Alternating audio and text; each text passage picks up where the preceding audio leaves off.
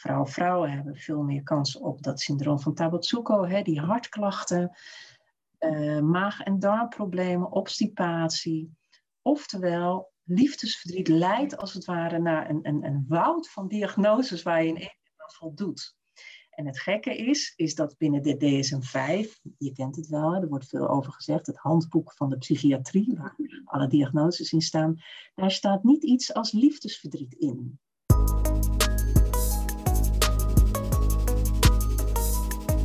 Wat fijn dat je luistert naar de podcast Hoogbegaafd en Liefdespijn, gemaakt door Suzette Lemmers. Ik neem jullie mee op mijn speurtocht naar antwoorden op hoe het is om als hoogbegaafde liefdespijn te ervaren. Als hoogbegaafde wil je vaak rationeel dingen oplossen. Kan dat ook met liefdespijn? Is de bedrading van het brein van de hoogbegaafde anders, waardoor je liefdespijn heftiger ervaart?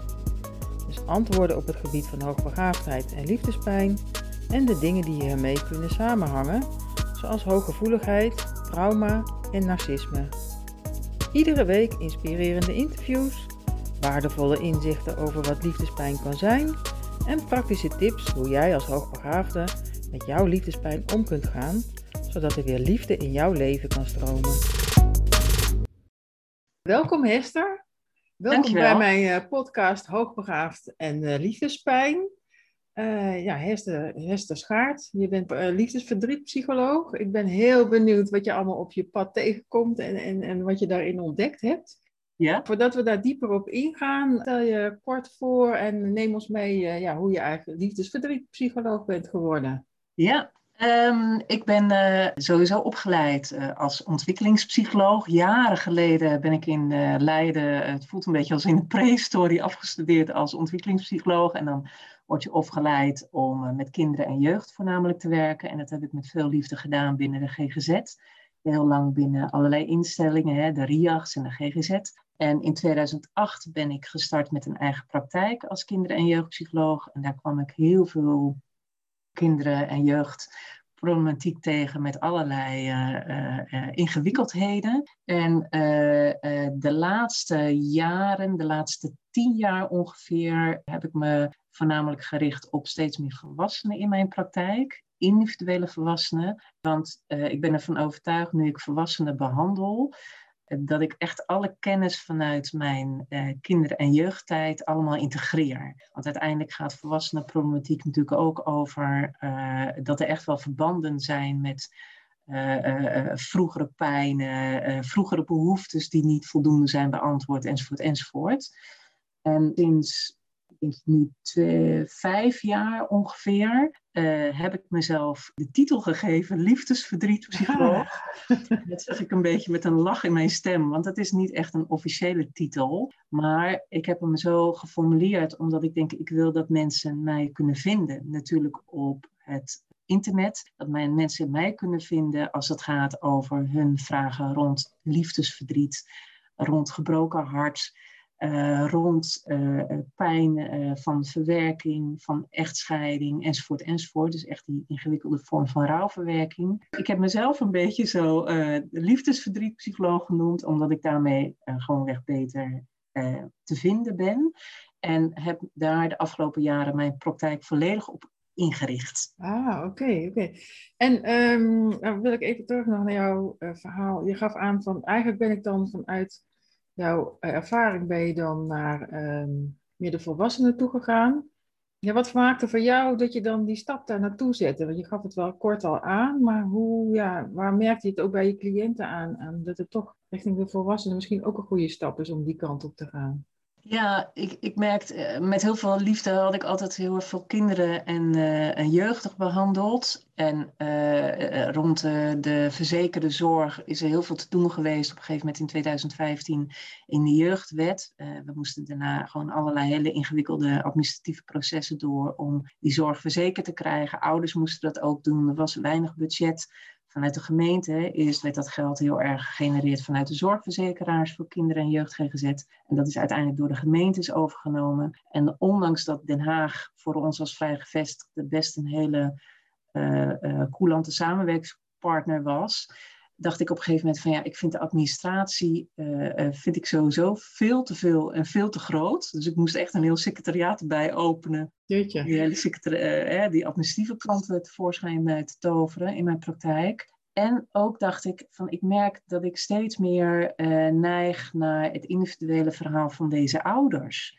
Van hé, hey, hoe komt het nou dat je als, als ouder, want ik zag natuurlijk ook heel veel ouders als kinder- en jeugdpsycholoog hoe komt het nou dat jij het zelf zo lastig vindt als moeder om met de drift bijvoorbeeld van je puber om te gaan? Hoe komt het nou zelf dat jij als vader, dacht ik wel eens, uh, dat je zo onzeker wordt van een gezin wat soms helemaal op stelte staat uh, met een ziek kind?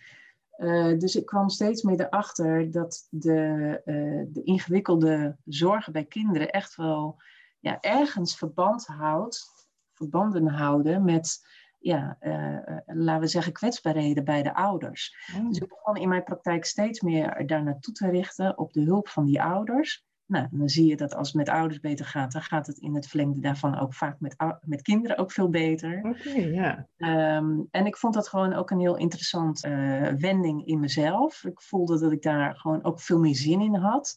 zo om de vijf à tien jaar voel ik altijd wel weer dat ik in mijn vak weer een andere stap wil gaan nemen. Dus dat was de, toen de stap die erg voorhanden lag.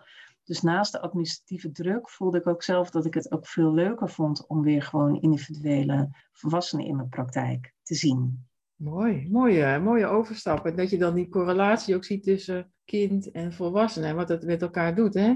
Ja, ik doe zelf uh, familieopstellingen. Ja, je ziet ook de relatie van wat komt er uit het verleden en ja, hoe heeft dat invloed op het heden. Dus uh, ja. mooi. Ja. Um, ja. ja. hoe komt het eigenlijk dat mensen kunnen verdrinken? Lijkt het wel in liefdesverdriet. Alsof er verder ehm. niks anders meer is dan alleen dat. Ja, dat is een goede vraag. Ik denk dat dat met heel veel dingen te maken heeft. Ik denk dat als je, eh, vooral als je lang samen bent geweest met iemand, uh, jarenlang uh, een heel leven met elkaar hebt opgebouwd, dan heb je als het ware met elkaar een heel dik boek geschreven. Een boek met meerdere hoofdstukken waarin je heel veel deelt met elkaar. Je deelt uh, je verlangens, je deelt je behoeftes, je deelt je huishouden, je deelt je financiën, je deelt vrienden, familie, al die systemen die gaan als het ware een beetje zo verstrengelen in elkaar. En als dan de een of de ander, of jullie samen kiezen ervoor dat de relatie geen toekomst meer heeft, dan zul je op de ene manier die ontvlechting moeten ingaan. En dat onthechten is iets wat we als mens, daar zijn we niet zo goed in. En gelukkig maar, want we zijn als mens eigenlijk primair emotioneel willen we afhankelijk zijn van de ander. Je wilt natuurlijk ook je omgeven door een fijn systeem, familie, vrienden. Uh, en je wilt ook gewoon samen zijn. Daar zijn we, daar, zijn we biologisch voor uitgerust. Ja, ja.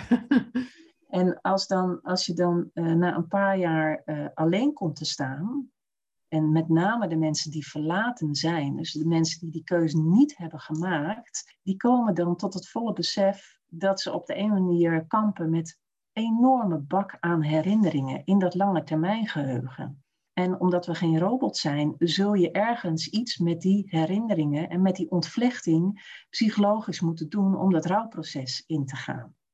En vooral de mensen die dus verlaten zijn ten opzichte van de mensen die de keuze zelf hebben gemaakt, die staan bij wijze van 10-0 achter in dit rouwproces omdat die andere waarschijnlijk al eerder afscheid heeft genomen. Is dat het exact. Of, uh, ja. Ja. ja. ja. je ziet vaak dat als mensen zelf de keus maken omdat ze verliefd zijn op, op een ander, of omdat ze voelen dat hun behoeftes niet meer worden vervuld, of omdat ze gewoonweg een andere koers in het leven willen maken, die zijn als het ware al een tijdje bezig met dat afscheid. Die zijn zich aan het prepareren, aan het voorbereiden om dat afscheid in te gaan. En vaak is degene die achterblijft, die wordt in één keer voor een voldongen feit gesteld. En dat maakt dat ik vaak zie dat degenen die verlaten zijn, hè, dus de mensen die gevoelsmatig zich in de steek gelaten voelen door die belangrijke ander, dat die uh, ja, binnen nood en bijna lijken te voldoen aan een heel klinisch beeld van ik weet niet hoeveel diagnoses naast elkaar. Oh, oh oké. Ja, dat is best een ingewikkelde uh, opmerking die ik nu maak, een best heftige opmerking, maar ik zie echt in mijn praktijk dat mensen die verlaten worden, en met name als het onverwacht is, uh, na een jarenlang samen zijn, hè, misschien wel met kinderen, misschien wel met kleinkinderen, dan kom je in uh, psychologisch, we zeggen, gevoelsleven, wat overeenkomt met en een stemmingsprobleem, dus een depressie, naast de somberheid en het vele huilen, en angst. Dus een enorme bak angst komt tevoorschijn van uh, de toekomst van afgepakt. En wat nu? Dus dat geeft heel veel stress ook. Dus depressie, angst, stress, dat hele lichamelijke systeem raakt van slag. Uh, mensen worden extra ziek, kunnen hartklachten krijgen. Vooral vrouwen zijn extra gevoelig voor, uh, dat wordt het syndroom van Tabotsuko genoemd, uh, waarbij, dat, waarbij die hartspier het gewoonweg even een tijdje minder goed doet. Die is wat minder sterk goed aan het werk. Dus dat hele lichamelijke systeem is aan van slag. Um, je komt bijna in een soort een, staat van, die overeenkomt met trauma, posttraumatische stress. Er is zoveel stress aan de hand. Uh, je hebt constant herbelevingen, je slaapt slecht, enorme alertheid en spanning. Dat komt allemaal met PTSS overeen. Daarbij ook nog eens een keertje het beeld van obsessief-compulsieve dwangstoornis, OCD afgekort. Mensen kunnen niet meer stoppen met analyseren van wat er is gebeurd, wat heb ik verkeerd gedaan. Niet meer stoppen met analyseren wat is er mis met mij, wat is er mis met mijn ex. Dus die komen in zo'n, in zo'n draaimolen in hun hoofd waarbij ze niet meer kunnen stoppen met denken. Nou, dat komt eigenlijk heel erg overeen met OCD. Plus nog eens een keer dat hele lichamelijke uh, uh, systeem wat onderuit gaat.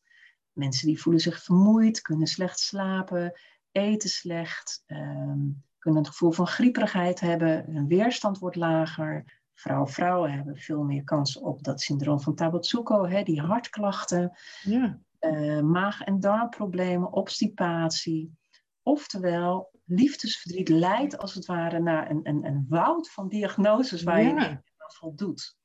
En het gekke is, is dat binnen de DSM-5, je kent het wel, er wordt veel over gezegd, het handboek van de psychiatrie, ja. waar alle diagnoses in staan, daar staat niet iets als liefdesverdriet in. Nee, en uh, als je het met mensen hebt over liefdesverdriet, wordt er soms nog wel eens wat lacherig over gedaan, vooral exact. als het na een paar maanden is. En van, nou ja, kom op zeg, zet je schouders eronder of doe even, weet je, het is ja. zoals het is. Maar als ik dit allemaal zo hoor, dan denk ik van, nou, ja. het heeft zoveel impact. Het heeft een enorme impact. Het geeft een enorme emotionele lijdensdruk. Uh, het leven wordt totaal ontwricht.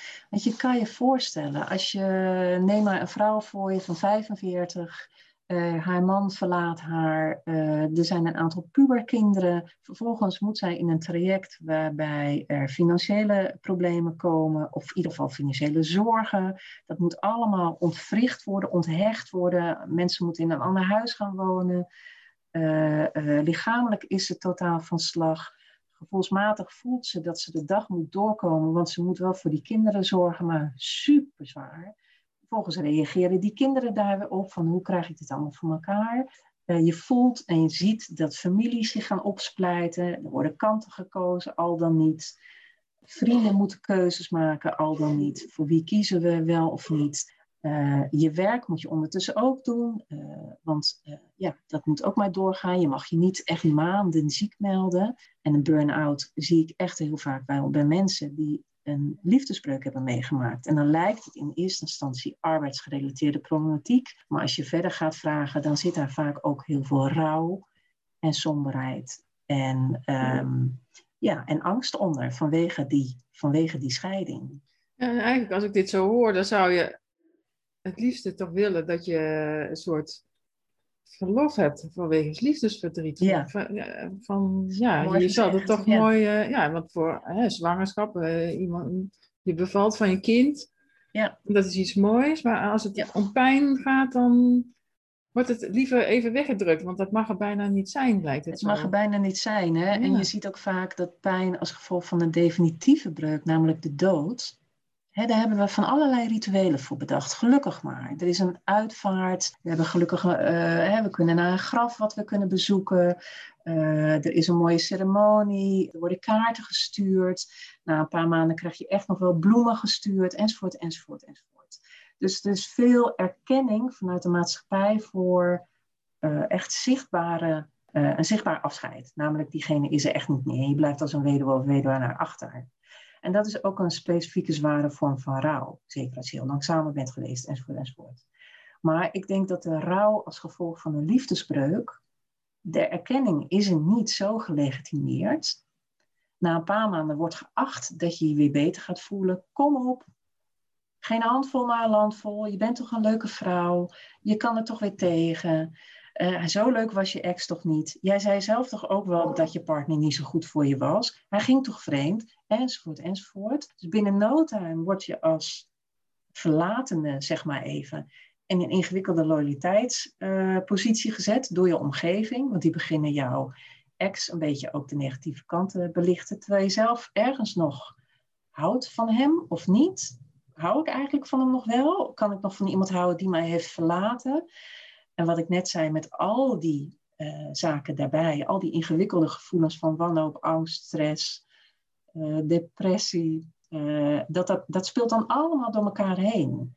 Dus reken maar dat deze vorm van rouwverwerking veel meer erkenning mag krijgen um, dan dat hij er nu is. Ja. Daar maak ik me hard voor en daarom heb ik me ook, dat is eigenlijk mijn missie als liefdesverdrietpsycholoog dat ik echt wil laten weten in Nederland en in België van jongens, hou rekening met mensen die verlaten zijn. Want die hebben het echt ontiegelijk zwaar. En zeker nu in coronatijd. Ja, ook. Ja, want wat zie je daarin gebeuren in de coronatijd? Ja, in coronatijd, uh, ja, je mag te weinig uh, naar je vrienden en je familie toe. Uh, eerst één, toen weer twee, toen weer, oh man, alle maatregelen. En ik wil niet zeggen dat onze overheid vreselijk hun best heeft gedaan. En gelukkig is er eindelijk een beetje een ommekeer nu met alle prikken. Maar ik denk dat de afgelopen jaar heb ik onwijs veel aanmeldingen gehad van vrouwen, maar ook mannen die door het leven moeten worstelen. En die echt wel voldoen aan die, aan, die, aan die depressie. Omdat het gewoon super zwaar is als je zo geïsoleerd raakt. Ja. Van, van, uh, van, en van de ander, van die dierbare ander die je toch ergens toch altijd heeft opgevangen in het leven, die partner. En vervolgens moet je dat allemaal in je eentje doen. Ja, dus een soort veilig thuis uh, heb je dan niet meer, uh, zelfs in de coronatijd, zo zou je het kunnen ja. zien. Dus dat ja. maakt het ook nog eens extra zwaar, omdat je niet in contact kan zijn ja. met je dierbaren die je daarnaast nog hebt. Ja, jeetje. Precies, precies. En geen leuke dingen kunnen doen. En niet even lekker met je vriendin op het terras zitten. En niet toch maar, ondanks dat je er geen zin in hebt, maar je denkt, nou, ga toch maar naar de sportschool. Want dan voel ik me in ieder geval even wat beter.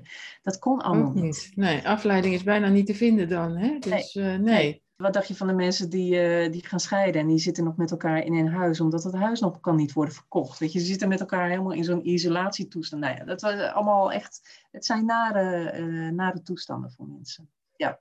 En uh, ja, hoe gaat dat ontvlechten dan, waar je het dan over hebt? Van, wat is dan een, een, ja, een handvat wat je zou kunnen gebruiken? Nou, er zijn meerdere handvatten, gelukkig. Um, en uh, kijk, het eerste is belangrijk dat uh, degene die in dat proces zit, dat hij vooral, uh, ja, ik zeg dat eigenlijk altijd vriendschap moet sluiten met zijn of haar gebroken hart.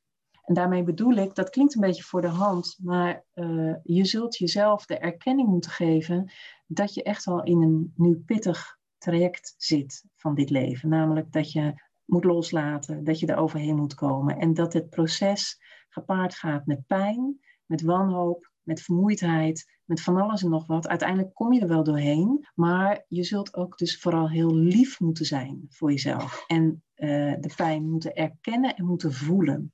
En wat er vaak gebeurt, is dat mensen die zo dan overspoeld raken, hè, dat vroeg jij net net, hoe komt het nou dat ze zo overspoeld raken? Ja, dat heeft met al die grote uh, gemisdingen te maken uh, ja, je zult naar de pijn toe moeten gaan. En heel veel mensen uh, die, die, die, die vinden pijn zoiets naars. Ik ook. We vinden emotionele pijn, verdriet, angst, boosheid, we, onmacht. We vinden we zoiets afschuwelijk. Daar hebben we als mens, daar kunnen we niet zoveel mee. Weet je, we willen gauw weer door. Ja. Maar je zult ook stil moeten staan soms met, ja, dit is wat het is. Ik heb verschrikkelijk veel pijn en ik moet maar naar de pijn toe.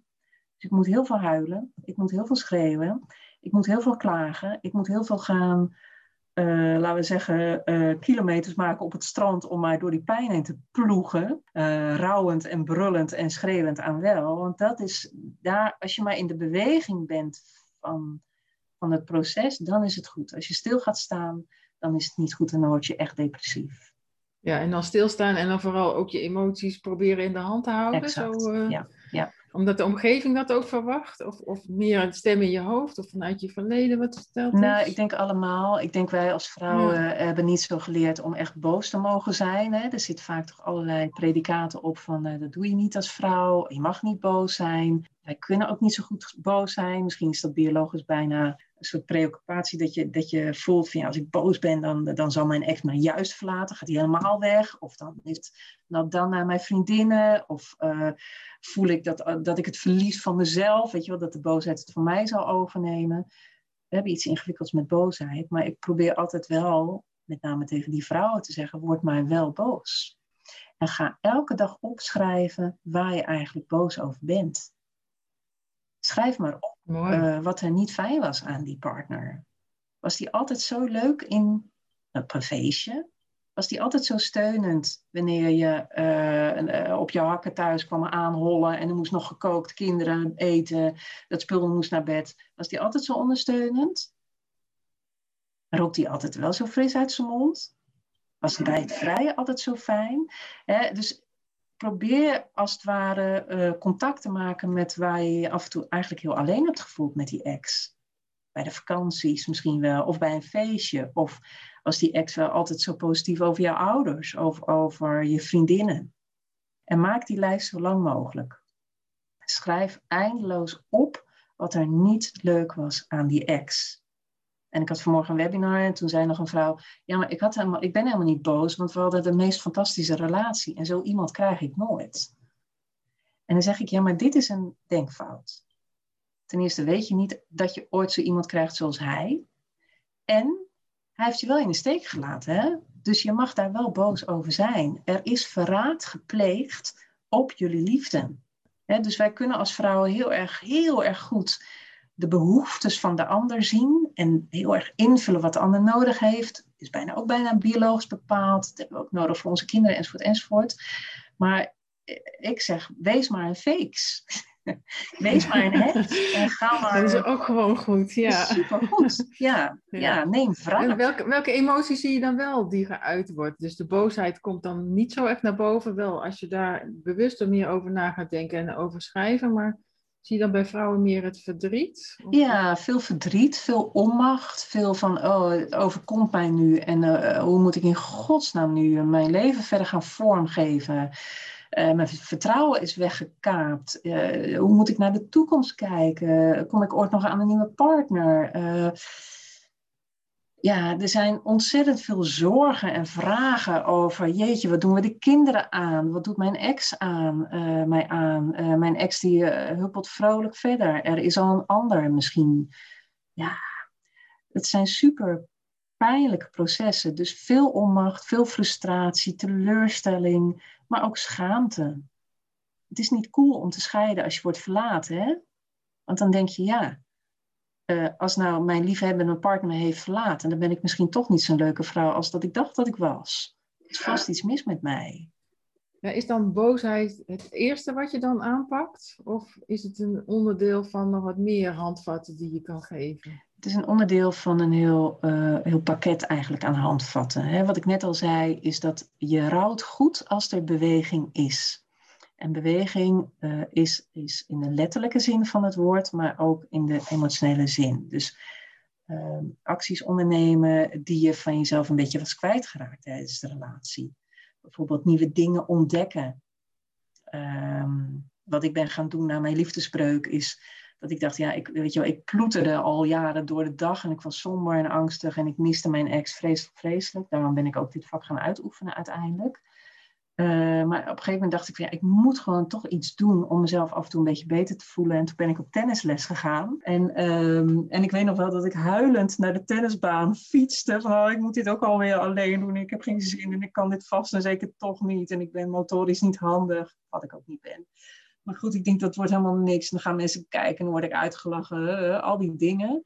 Maar ik weet wel, ik, had, ik, had, ik bofte met een hele fijne tennisleraar. Maar ik weet wel dat die jongen op de een manier ontzettend aardig voor mij was. En heel erg op de ene manier gevoelsmatig voelde van Hester, we gaan jou leren. Ik ga jou leren dat je op de ene manier goed dat balletje over het net kan krijgen. Nou, ik weet niet of jij getennist wel eens hebt. Ja, ja, ik heb tuin. Ja. Dat valt niet mee als je dat halverwege de 40 moet aanleren. Maar ik weet wel dat ik dan.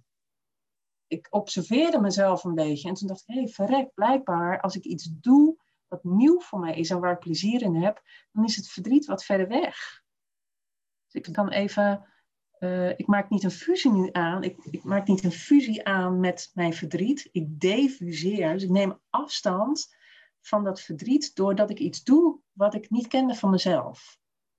Dus op een gegeven moment had ik heel veel plezier in de tennisles en ging ik daar fluitend naartoe en dacht ik, jeetje, dit is leuk. En ontmoet ik daar nieuwe mensen. En nou, een van de factoren dus in de rouw is in beweging zijn. Jezelf nieuw ontdekken, nieuwe dingen doen.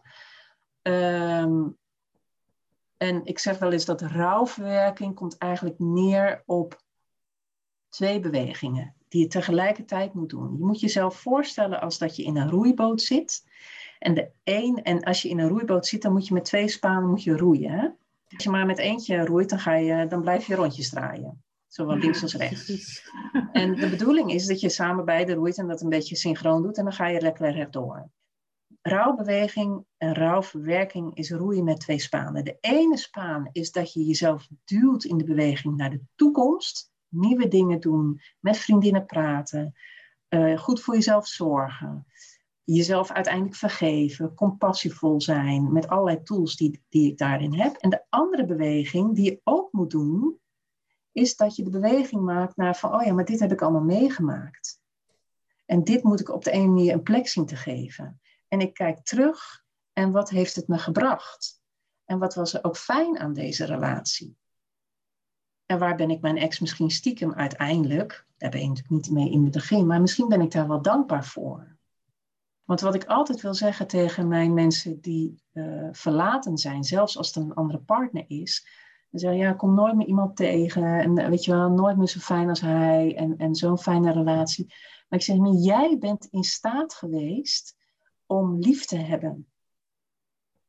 En dat is een eigenschap die je hebt. Weet je wel, dat is nu niet weg. dat is nu niet weggeopereerd. Sterker nog, hij blijft, die eigenschap. Dus je zult de rest van je leven in staat zijn om lief te hebben. Dat is een hele mooie. Ja, dus daarmee, uh, maar neem je ook weer, defuseer je ook weer van, oh, wat ik mis. Nee, want je hebt het nog. Je hebt het nog allemaal in huis. Je hart is misschien gebroken, maar ondertussen zit daar gewoon een heel compleet pakket in van ik ben in staat als mens om lief te hebben. En dat blijft. En dat verzacht het een beetje. Ja, alleen al dat te realiseren, om dat naar uit te spreken naar jezelf, dat, zou wel heel, dat is een hele mooie beweging al, lijkt mij. Ja. Ja. Uh, ja. Je hebt nu eigenlijk twee handvaten genoemd. Is er nog een andere wat je zou kunnen, kunnen doen? Of is dat meer later in het proces? Nou, naast lief te zijn, uh, naast de beweging uh, voor te blijven zetten, uh, letterlijk en figuurlijk, naast compassievol te zijn naar je eigen pijn, zul je ook af en toe acties moeten inzetten om jezelf naar die toekomst te duwen. Dus ondanks als je geen zin, dat je geen zin hebt om nu in je eentje nu op een single vakantie alleen te gaan of een alleen ouder vakantie, in, want de vakantieplanning staat nu weer voor de deur zeg ik eigenlijk altijd, doe het maar wel. Want het zou zomaar kunnen zijn dat daar zich op een manier iets voordoet waarvan je denkt, ah, maar dit heb ik ook nog in huis. Dit is ook leuk. Ik kan met oude, andere vrouwen die gescheiden zijn een paar wijntjes wegtikken. Stiekem is dat eigenlijk heel erg leuk weer. Ja. Dus uh, probeer toch de dingen te doen waarvan je weet met je ratio dat het goed voor je is. En waar je van gevoelsmatig denkt, daar heb ik echt geen zin in. Dus je weet dat het niet goed is om heel lang in je bed te liggen. Doe dat dus ook niet. Je weet dat het belangrijk is dat je een dag-nachtritme goed aanhoudt. Blijf dat dus ook doen. Je weet met je ratio dat je gezond moet eten. Gevoelsmatig denk je, nou het enige wat ik wil is een patatje halen vanavond en uh, daarmee is het wel klaar. Ik heb geen zin om te koken. Maar doe het maar wel.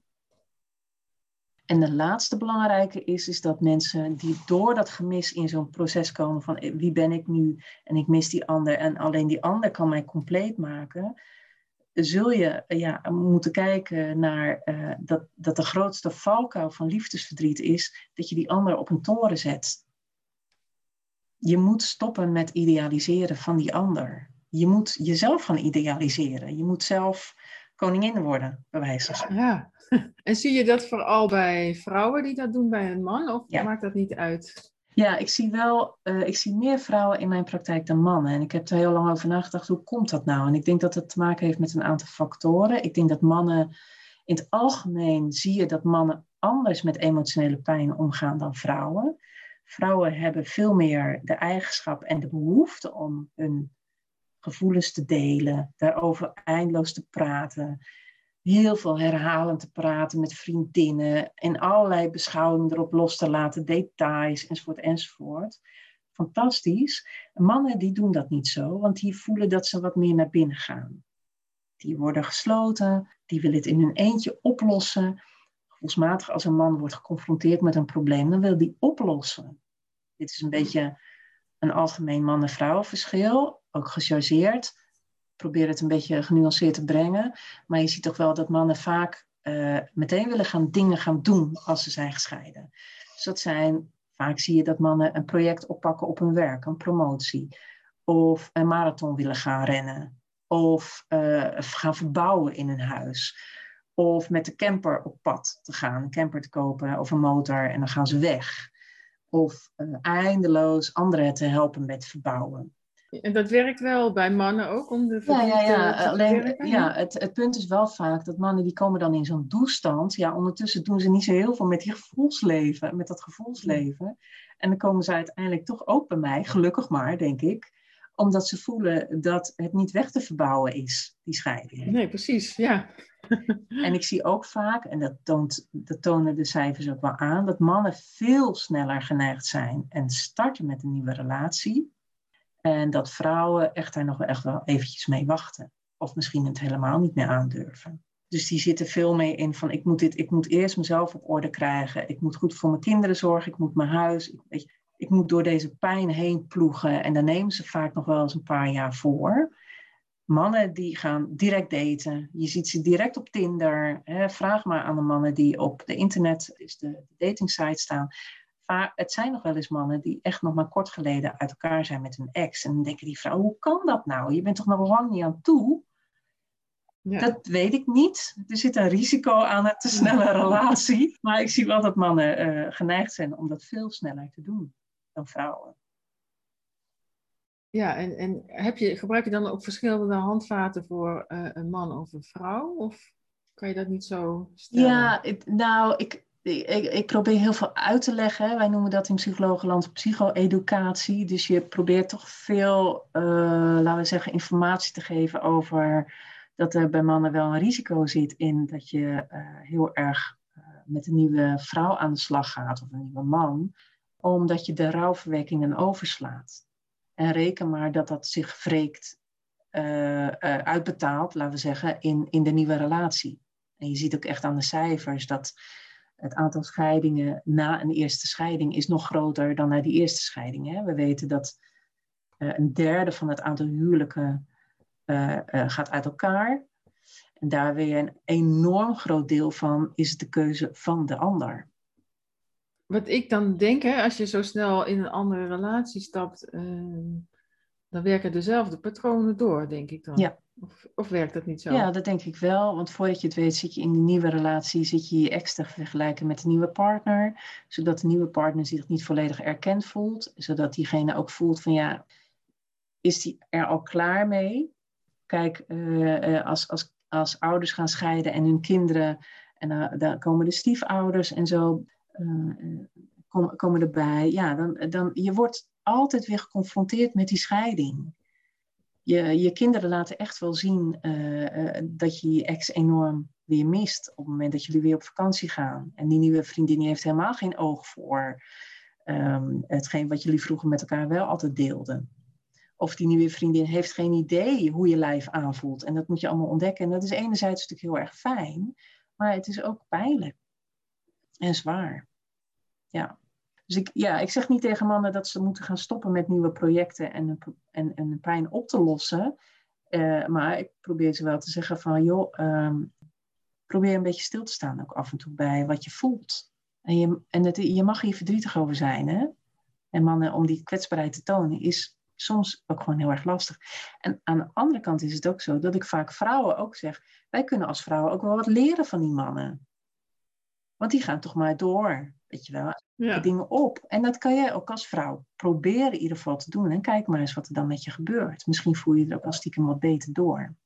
Ja, en is er een bepaalde tijd aan te geven van... Ehm, nou, dit is een, een, een qua tijd een handig, uh, zeg zes maanden of zo, dat je verdriet uh, kan verwerken. Ja. Is daar zoiets over te zeggen of is dat echt heel persoonlijk? Ja, het is, uh, dat, is een, dat is ongeveer de meest gehoorde vraag van hoe lang duurt dit nog? Want ik kan het niet aan, ik, ik, wil er een keertje klaar mee zijn.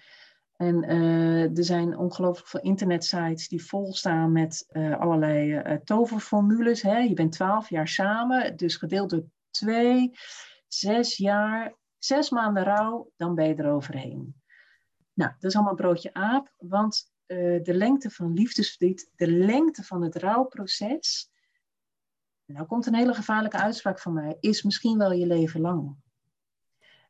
Want stel je maar voor dat als je 12 jaar, als je 25 jaar samen bent geweest en je zult dan de tweede helft van je leven of wat eerder, zul je dat leven weer moeten vormgieten, vorm, moeten vormgeven, dan komt onherroepelijk af en toe dat verdriet tevoorschijn. En het is niet zo dat je daarmee dan eh, de zee moet lopen omdat je er echt geen zin meer in hebt.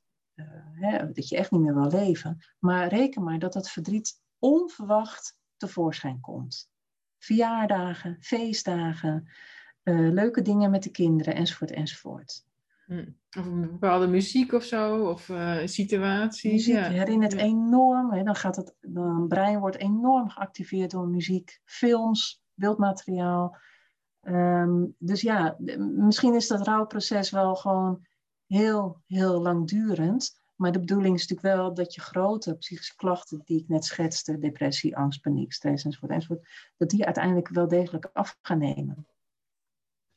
En uh, als omgeving kan je, hè, als je ziet iemand die liefdesverdriet heeft, kan je ook op een bepaalde manier reageren wat goed voor hen is? Ja, Jazeker. Ik denk dat de omgeving nog wel eens wordt uitgedaagd dat degene die verlaten is, die, die, heeft, die gaat uh, misschien wel die ex heel erg of idealiseren of heel erg zwart maken of uh, is ervan overtuigd dat hij voldoet aan een narcistische persoonlijkheidsstoornis of in en of hij is autistisch.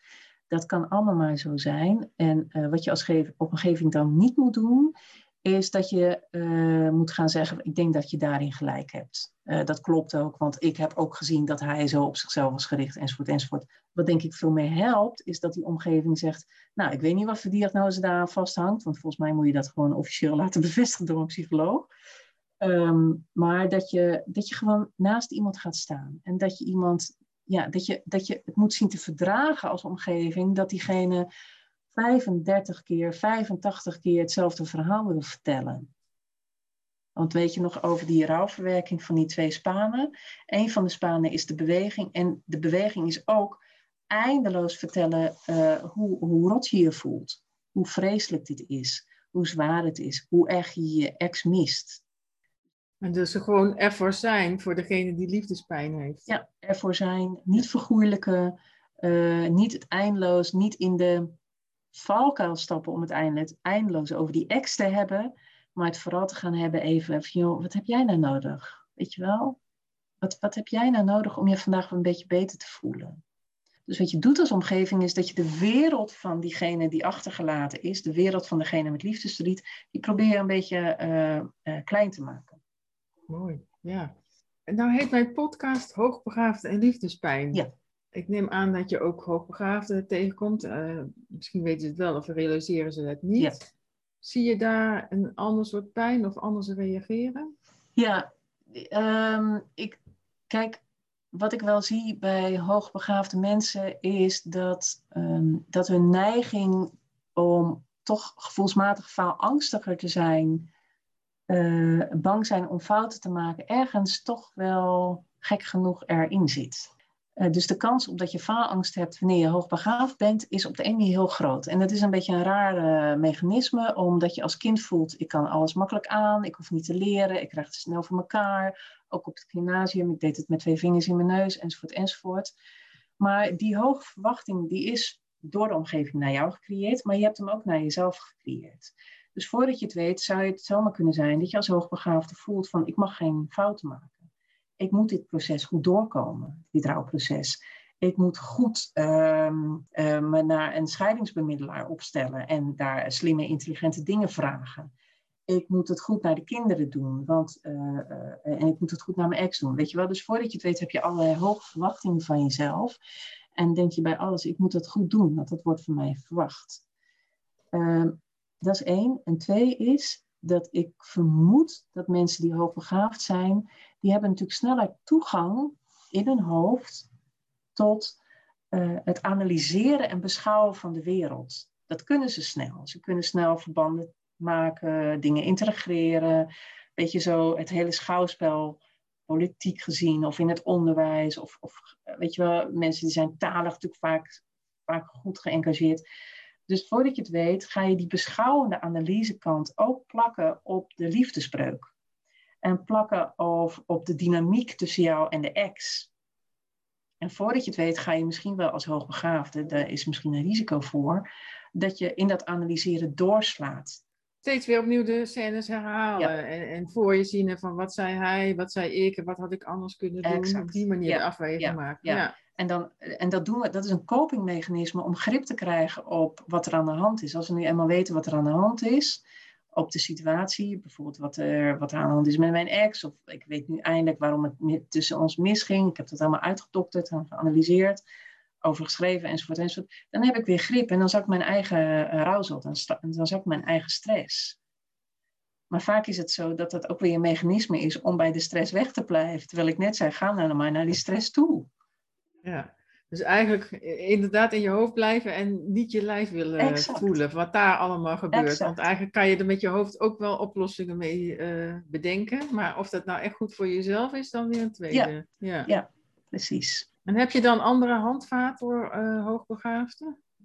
Ja, uh, laat het analyseren soms voor wat het is. Uh, want je krijgt het toch niet helemaal uitgeanalyseerd. Je krijgt het ook niet uitgeanalyseerd als je in gesprek blijft met die ander. Want die ander zit onherroepelijk in een ander proces. Dat is ook trouwens een valkuil, hè? om je rouwproces met die ex toch te delen, omdat je elkaar toch zo goed kent.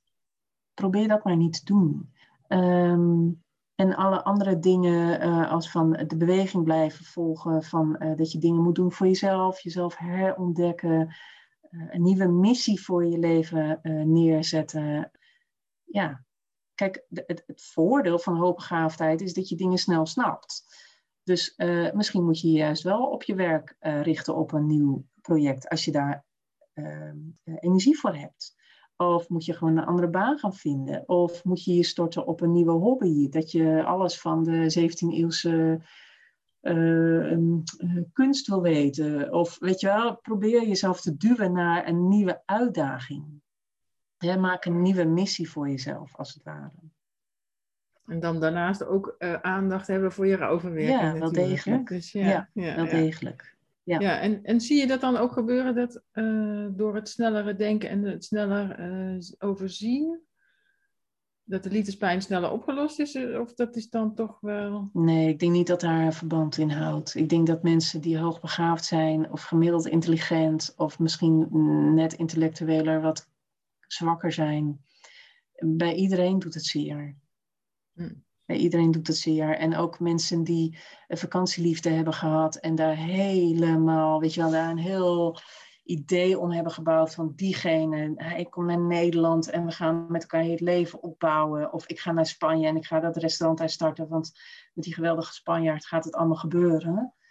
Ehm, als dat van je weg wordt gekaapt, door wat voor reden dan ook, ja, reken maar dat de pijn dan ook groot is. En of je nou heel slim bent of niet, het blijft zeer doen. Ja, ja. ja, en als hoogbegaafde, als hooggevoelige kan je ook uh, heel intens het verdriet voelen. Hè? Dat zou ook weer de andere kant op kunnen. Hè? Dus dat je dan ook wel weer dat rationele zou kunnen gebruiken om niet helemaal daarin door te slaan, denk ik met dan. Ja, wel degelijk. Want ik zie wel mensen die hoogsensitief zijn, dus extra gevoelig zijn voor de emoties van anderen, extra gevoelig zijn voor de emoties van zichzelf, dingen snel aanvoelen. Um, laten we zeggen, daar veel waarde aan hechten, wat ze voelen. En uh, dat is niet altijd even slim. Want ik denk, je, je moet soms ook je verstand erbij gebruiken. Je moet soms ook, ja, ondanks dat als je een nieuw huis gaat bekijken en je denkt, oh, het voelt hier goed, de energie is helemaal goed, weet je, ik voel me hier helemaal aarde, enzovoort, enzovoort. Dan denk ik, ja, maar je moet ook je kop erbij houden. Je zult ook moeten kijken of je de hypotheek kan uh, betalen en of dit, of dit huis bouwkundig goed in elkaar steekt. Dus uh, de mensen die hooggevoelig zijn, die raken nog wel eens overspoeld door al die zintuigelijke informatie die op hen afkomt. Hè. Hun vergiet staat als het ware met grote gaten open en alles komt binnen. Um, ja, uh, ik zou zeggen, ja, blijf toch in gesprek met je vriendin of met je familie of met een collega of een buurman, die jou toch een beetje duwt weer naar je ratio. Want op je gevoel afgaan is mijn zinziens ook weer een copingmechanisme. Is misschien ook heel voorzichtig gezegd, misschien krijg ik nu allemaal kritiek straks van luisteraars, is ook misschien een manier om te vermijden om je verstand in te hoeven zetten. Ja, ik ga toch maar met deze man om, want het voelt zo goed. Ja, maar aan alle kanten zie je dat hij niet goed voor je is. Weet je, waar, waar zit je uh, mogelijkheid om daarop te reflecteren met je verstand? Ja, dus het is echt in verbinding en met je verstand, met je gevoel, met je hele lijf. Dus ja het is alles bij elkaar eigenlijk. Het is niet of het een of het ander. Exact, exact. Het is het hele, hele plaatje eigenlijk. Ja, zo zitten we ook natuurlijk in elkaar. Hè? We hebben niet voor niks hersens en, en het lichaam gekregen om het allemaal uh, te combineren. Dus, uh, ja, precies. Um, ja, dus je gaf zelf al kort aan dat je zelf ook liefdesverdriet hebt ervaren. Kan je daar iets over delen? Zeker. Uh, een paar jaar geleden uh, werd ik onverwacht verlaten door mijn toenmalige partner. We waren vijf jaar samen, vier, vijf jaar samen. Um, en uh, de breuk kwam totaal onverwacht. Um, en ik weet wel dat toen hij dat aankondigde, dat hij echt niet met mij verder wilde. Uh, uh, dat ik me daarna echt voelde storten in een soort ravijn van wanhoop, paniek, uh, angst, stress. En ik, oh man, binnen no time sliep ik niet meer. was, kon ik niet meer stoppen met huilen. En ik had wel eens eerdere liefdesbreuken meegemaakt, maar dit was echt er eentje van, nou, dit, ik raakte mezelf binnen no time kwijt, binnen een paar weken, een paar maanden. En ik schrok daar wel van. Want ik kreeg ook echt hele sombere gedachten. Dus ik liep daar over dat strand. Ik denk, ja, ik kan best goed nou in die zee lopen. En toen dacht ik, oei, dit gaat niet de goede kant op. Um, en ik dacht ook wel van, ja, veel later weer in dat proces uh, dacht ik, ja, wat is er nou met mij aan de hand? Weet je wel, dit is, ja, ik wist natuurlijk als psycholoog wel dat dit een rouwproces was waar ik doorheen moest. Maar zo heftig zo enorm bepalend in mijn levensgeluk, wat totaal van me weg was, uh, ja, maakte dat ik gewoon emotioneel flink onderuit ging. En dat heeft toen echt al ja, uh, twee jaar geduurd. En ik zat het maar in mijn eentje allemaal uit te vlooien en boeken te lezen en te praten met vriendinnen. Maar ik kwam er gewoon niet uit, ondanks die fijne tennisles. Dus na twee jaar pas ben ik hulp gaan zoeken, veel te laat. Um, en ben ik bij een goede psychotherapeut gelukkig terechtgekomen. En daar heb ik echt wel geleerd om op een andere manier met die pijn om te gaan. Om op een andere manier betekenis te geven aan deze vorm van rouw. En om ook in te zien dat je gevoelsmatig afhankelijk bent van die ander, omdat die ander het levensgeluk van je af heeft gepakt. Maar dat is helemaal niet zo. Je hebt, je hebt het leven en dat kan je ook weer bij de kladden grijpen om eh, het geluk weer naar je toe te trekken. Mooi, nou, dat heeft ook tijd nodig gehad. Absoluut, heeft de tijd nodig gehad. Ja. Nou, dankjewel dat je jouw verhaal wilde delen.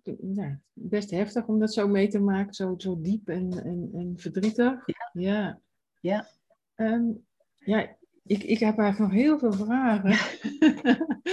Even kijken hoor hoe ziet, ja, kan je aangeven hoe een gezonde relatie eruit ziet? En kan je dat ook zo benoemen, een gezonde relatie? Nou, ik, ik ben er wel van overtuigd uh, dat, uh, want ik doe ook wel relatiegesprekken in mijn praktijk, dat uh, een goede, gezonde relatie gaat over respect.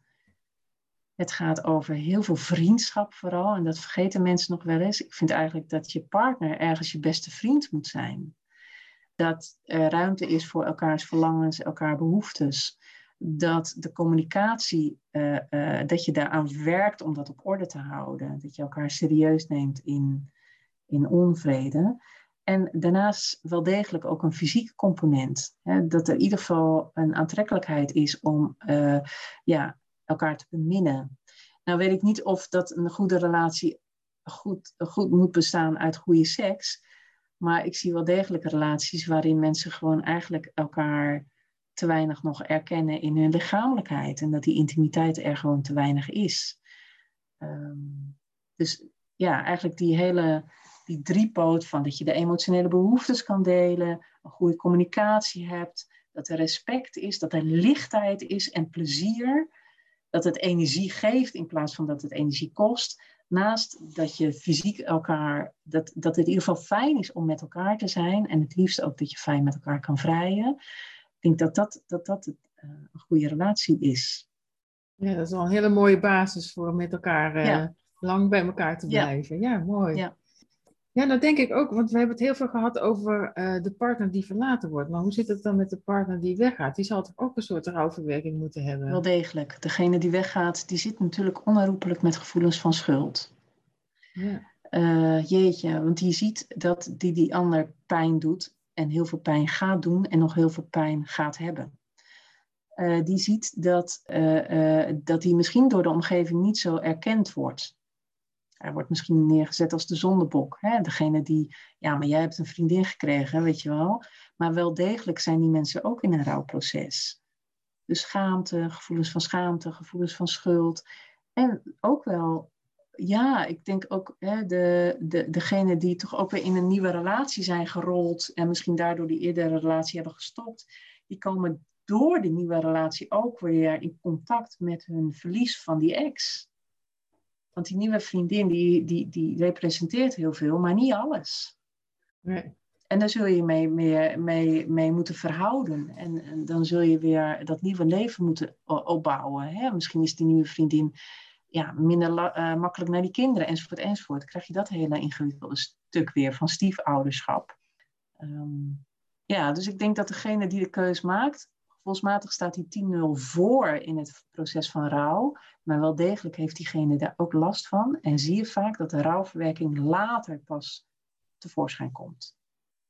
Ja, en, en wat gaat er aan vooraf aan het uh, rouwproces laten verwerken? Ja. Dat je net opnieuw weer iets op wil bouwen? Of exact. Een beetje vermijding, hè? vermijdingstactiek om, om, om de rouw te willen overslaan, de pijn niet te voelen en, en zich gauw te storten op die nieuwe relatie, of dat nieuwe huis, of de verbouwing, of de wereldreis. Ja, je wil niet weten hoeveel mensen uiteindelijk in Azië belanden met hun rugzak en zich daar knetter eenzaam voelen en denken van ja, maar dit is het niet. Ik moet terug naar huis. Ik moet, ik moet, ik moet hiermee aan de slag met mezelf. Ik moet me, omge ik moet me omgeven met, met mijn dierbare familie en mijn vrienden. Ja, ik vraag me ook af, hè, als hoogbegaafde ben ik ook geïnteresseerd in, in, in studies. Zijn er ook studies gedaan naar uh, liefdesverdriet? Ja, gelukkig wel. En uh, sterker nog, er loopt op dit moment is er net een onderzoek afgerond. Degene is nu allerlei data aan het verzamelen in Universiteit Groningen. Uh, is een dame, gelukkig een promovenda, die doet onderzoek naar liefdesverdriet en depressie bij vrouwen. Waarom hebben vrouwen veel meer kans op een depressie bij een relatiebreuk dan bij mannen? Uh, ze hebben een paar honderd studenten een vragenlijst uh, ge gegeven en gaan dan kijken van hey, hoe komt het nou dat de ene vrouw meer gevoeliger is voor de depressie dan de andere? En eerder is er in Groningen in 2008 uit mijn hoofd door professor Van der Horst onderzoek gedaan naar uh, ook ditzelfde onderzoek, maar dit wordt dus nu als het ware herhaald. En in Amerika is er ook wel onderzoek gedaan door een antropologe en die heeft ook mensen letterlijk met liefdesverdriet en al in een MRI-scan laten plaatsnemen, um, in een MRI laten plaatsnemen. En wat ze zagen, super interessant, is dat wanneer ze tijdens de enorme uh, uh, fase van het liefdesverdriet, net na een breuk, lieten ze tijdens de MRI-scan een afbeelding zien van die ex-geliefde. En ze zagen in één keer een enorme reactie op dat brein, op de nucleus accumbens. Dat is het stuk in het emotionele brein. En dat komt overeen met de reactie van een junk op zijn verslaafde middel. Dus wat we zagen, wat zij zagen, is dat, uh, dat dat brein reageert op het verslaafde object, namelijk op die ex-partner. Dus je brein, letterlijk, neurologisch gezien, is van slag als je, als je liefdesverdriet hebt. Dat is heel interessant om dat dan zo uh, te kunnen constateren ja. met Marieske. Ja. En, en degene die in Groningen dat onderzoek doet, weet je haar naam? Uh, ja, dat, oh, ik was bang dat je deze vraag had zou gaan stellen, maar nu ben ik haar naam kwijt. Uh, en anders kan het later nog, zet ik het bij de podcast. Uh, ik ga het voor je opzoeken, bij. want ik, ik heb het nu even niet paraat. Sorry. Nee, prima. Dat komt dan straks een ja. andere keer. Ja.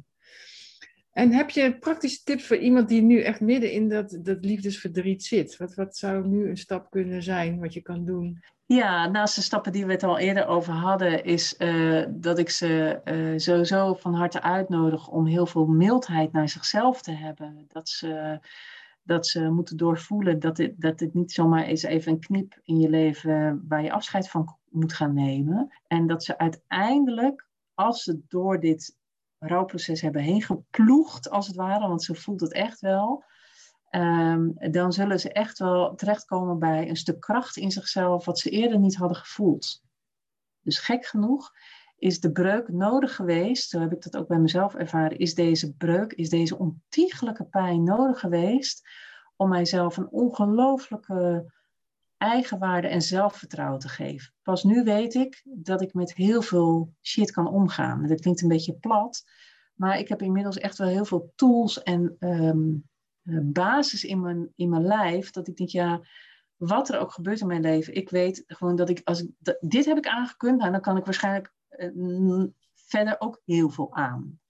En natuurlijk hoop ik dat mijn dierbaren om me heen gezond blijven en ik zelf ook, enzovoort, enzovoort. Maar op de een manier is, heeft het wel een soort ja, boost in mijn zelfvertrouwen gegeven. Plus dat ik daarna dit geweldige project ben gestart. Met praktijk, uh, liefdesverdrietcafé online, uh, webinars, nou, lezingen geven enzovoort enzovoort.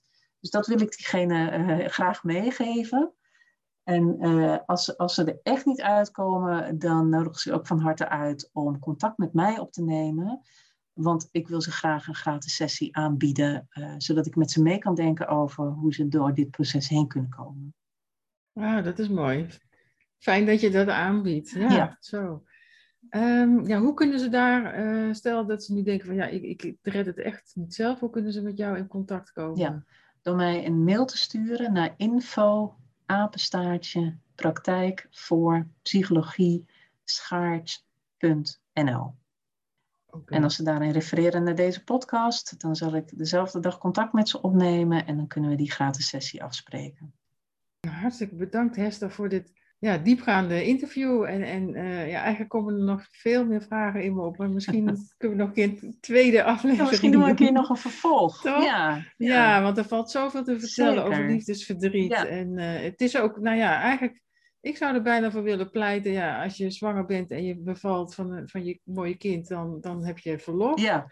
En eigenlijk zou je voor liefdesverdriet, ja. voor liefdespijn ook verlof moeten kunnen hebben, om dat te kunnen eh, ja, verwerken en weer mooi doorgaan uh, met de rest ja. van je leven. Want die is er ook nog uiteindelijk. Hè? Ja, dus, precies. Die rest van het leven is er wel degelijk. Ja, ik zou er ook wel erg voor pleiten. Daarom wil ik ook zo graag in contact komen. Dus als arbeidsdeskundigen of mensen die bij de arbeidsdienst werken of bedrijfsarts zijn, neem alsjeblieft contact met me op, want ik probeer daar een ingang te vinden, is me nog niet zo gelukt om te kijken of ik toch daar iets kan vertellen over de emotionele lijdensdruk na een scheiding. Um, nou, heel graag uh, van harte ja. wil ik daar iets over vertellen. Ja. Ja, nou, de oproep is bij deze gedaan. Ja. Dus uh, wie weet, wie weet komt er, uh, komt er iemand naar voren. Dankjewel Hester voor dit prachtige interview en je openheid. Graag gedaan. Ik vond het heel erg leuk om te doen. Dankjewel. En uh, we, we, horen van elkaar. En als er een onderwerp is wat nog een keertje uitgevlooid kan worden, dan ga ik dat graag doen met jou. Ja, dankjewel. Oké. Okay. Bedankt dat je luisterde naar deze podcast Hoogbegaafd en Liefdespijn. Abonneer je op deze podcast zodat je iedere week weer naar een nieuwe aflevering kunt luisteren over dit boeiende onderwerp. Meer informatie over hoogbegaafd en liefdespijn vind je op justchange.live. Heb je suggesties over wie ik zou kunnen interviewen over deze onderwerpen? Laat het me weten via suzette.lemmers.gmail.com. Graag tot de volgende podcast Hoogbegaafd en Liefdespijn.